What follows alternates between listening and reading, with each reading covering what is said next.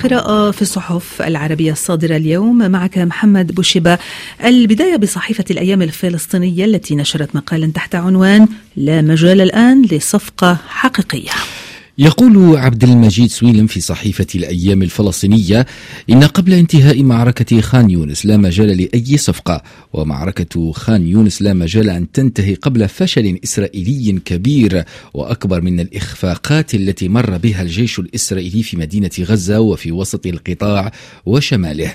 وبهدف قطع الطريق يضيف الكاتب في صحيفة الأيام الفلسطينية على المطالبين بإنجاز الصفقة الآن والآن على الفور طرح رئيس الوزراء الإسرائيلي بنيامين نتنياهو معركة قادمة في رفح. والذهاب إلى معركة رفح سيحتاج إلى تفاهمات ليست واردة مع مصر. وتابع الكاتب أن رئيس الوزراء الإسرائيلي بنيامين نتنياهو وقع في أسر الجناح الكهاني وهو رهينة لدى هذا الجناح وهو أمر أحب إليه من أن يصبح رهينة لحكومة جديدة أو انتخابات جديدة. ولهذا كله فإن الصفقة التي يمكن أن يوافق عليها والوحيدة التي يمكن أن يقبل بها هي الصفقة التي تستثني بالكامل أي مسمى قريب أو بعيد عن وقف إطلاق النار أو إنهاء الحرب وإنما هدنة تطول أو تقصر لمرحلتين أو أكثر بتبادل تدريجي موازن المراحل وليس صفقة كاملة أو تبادلا كاملا مقابل وقف نهائي لإطلاق النار صحيفة نداء الوطن اللبنانية تساءلت لماذا لا يزور بلينكن لبنان؟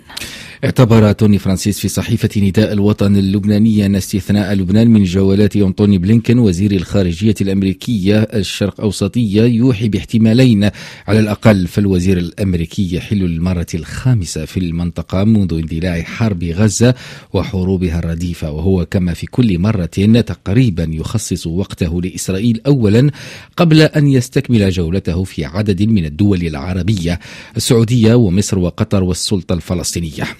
ويرى الكاتب عدم اهتمام بلينكن بالحضور إلى لبنان قد يكون راجعا إلى أنه لا يريد البحث مع حزب الله في وقت كل السلطة تتحدث لغته لكنه أيضا إشارة إلى ثقة ما لدى الأمريكيين بأن جبهة الجنوب ستبقى منضبطة ولن تتطور إلى صدام واسع وحرب مفتوحة لذلك لا تستحق عناء بلينكن أو لفتة منه وتابع الكاتب في صحيفة نداء الوطن اللبنانية أنه قال ما يذكر بلينكن لبنان في تصريحاته. فهوشتاين وحده يقود التفاوض الجديد من أجل تسوية بين حزب الله وإسرائيل. تسمح بنشر الجيش والقوات الدولية المعززة في الجنوب بمعنى ما هو تفاوض بين إيران وإسرائيل على خلفية تواصل أمريكي إيراني لم ينقطع وليس في تسمية المفاوضين ما يسيء أو ما يفاجأ.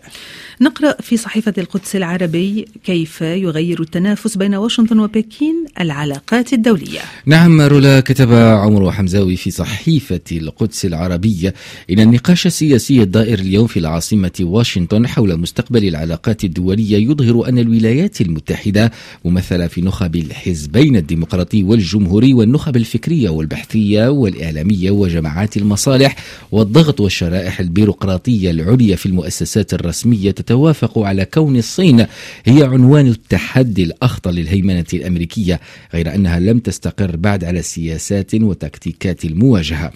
وأوضح الكاتب في صحيفة القدس العربية أن الولايات المتحدة تتوقع تواصل الصعود الاقتصادي والتجاري للصين خلال السنوات والعقود القادمة وتواكبه مع اكتساب المزيد من القوة الجيوسياسية خاصة في منطقة المحيط الهندي والمحيط الهادئ.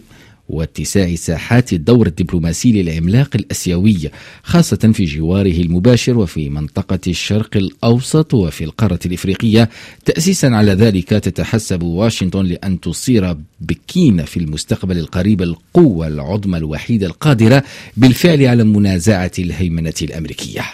محمد بوشيبة شكرا لك.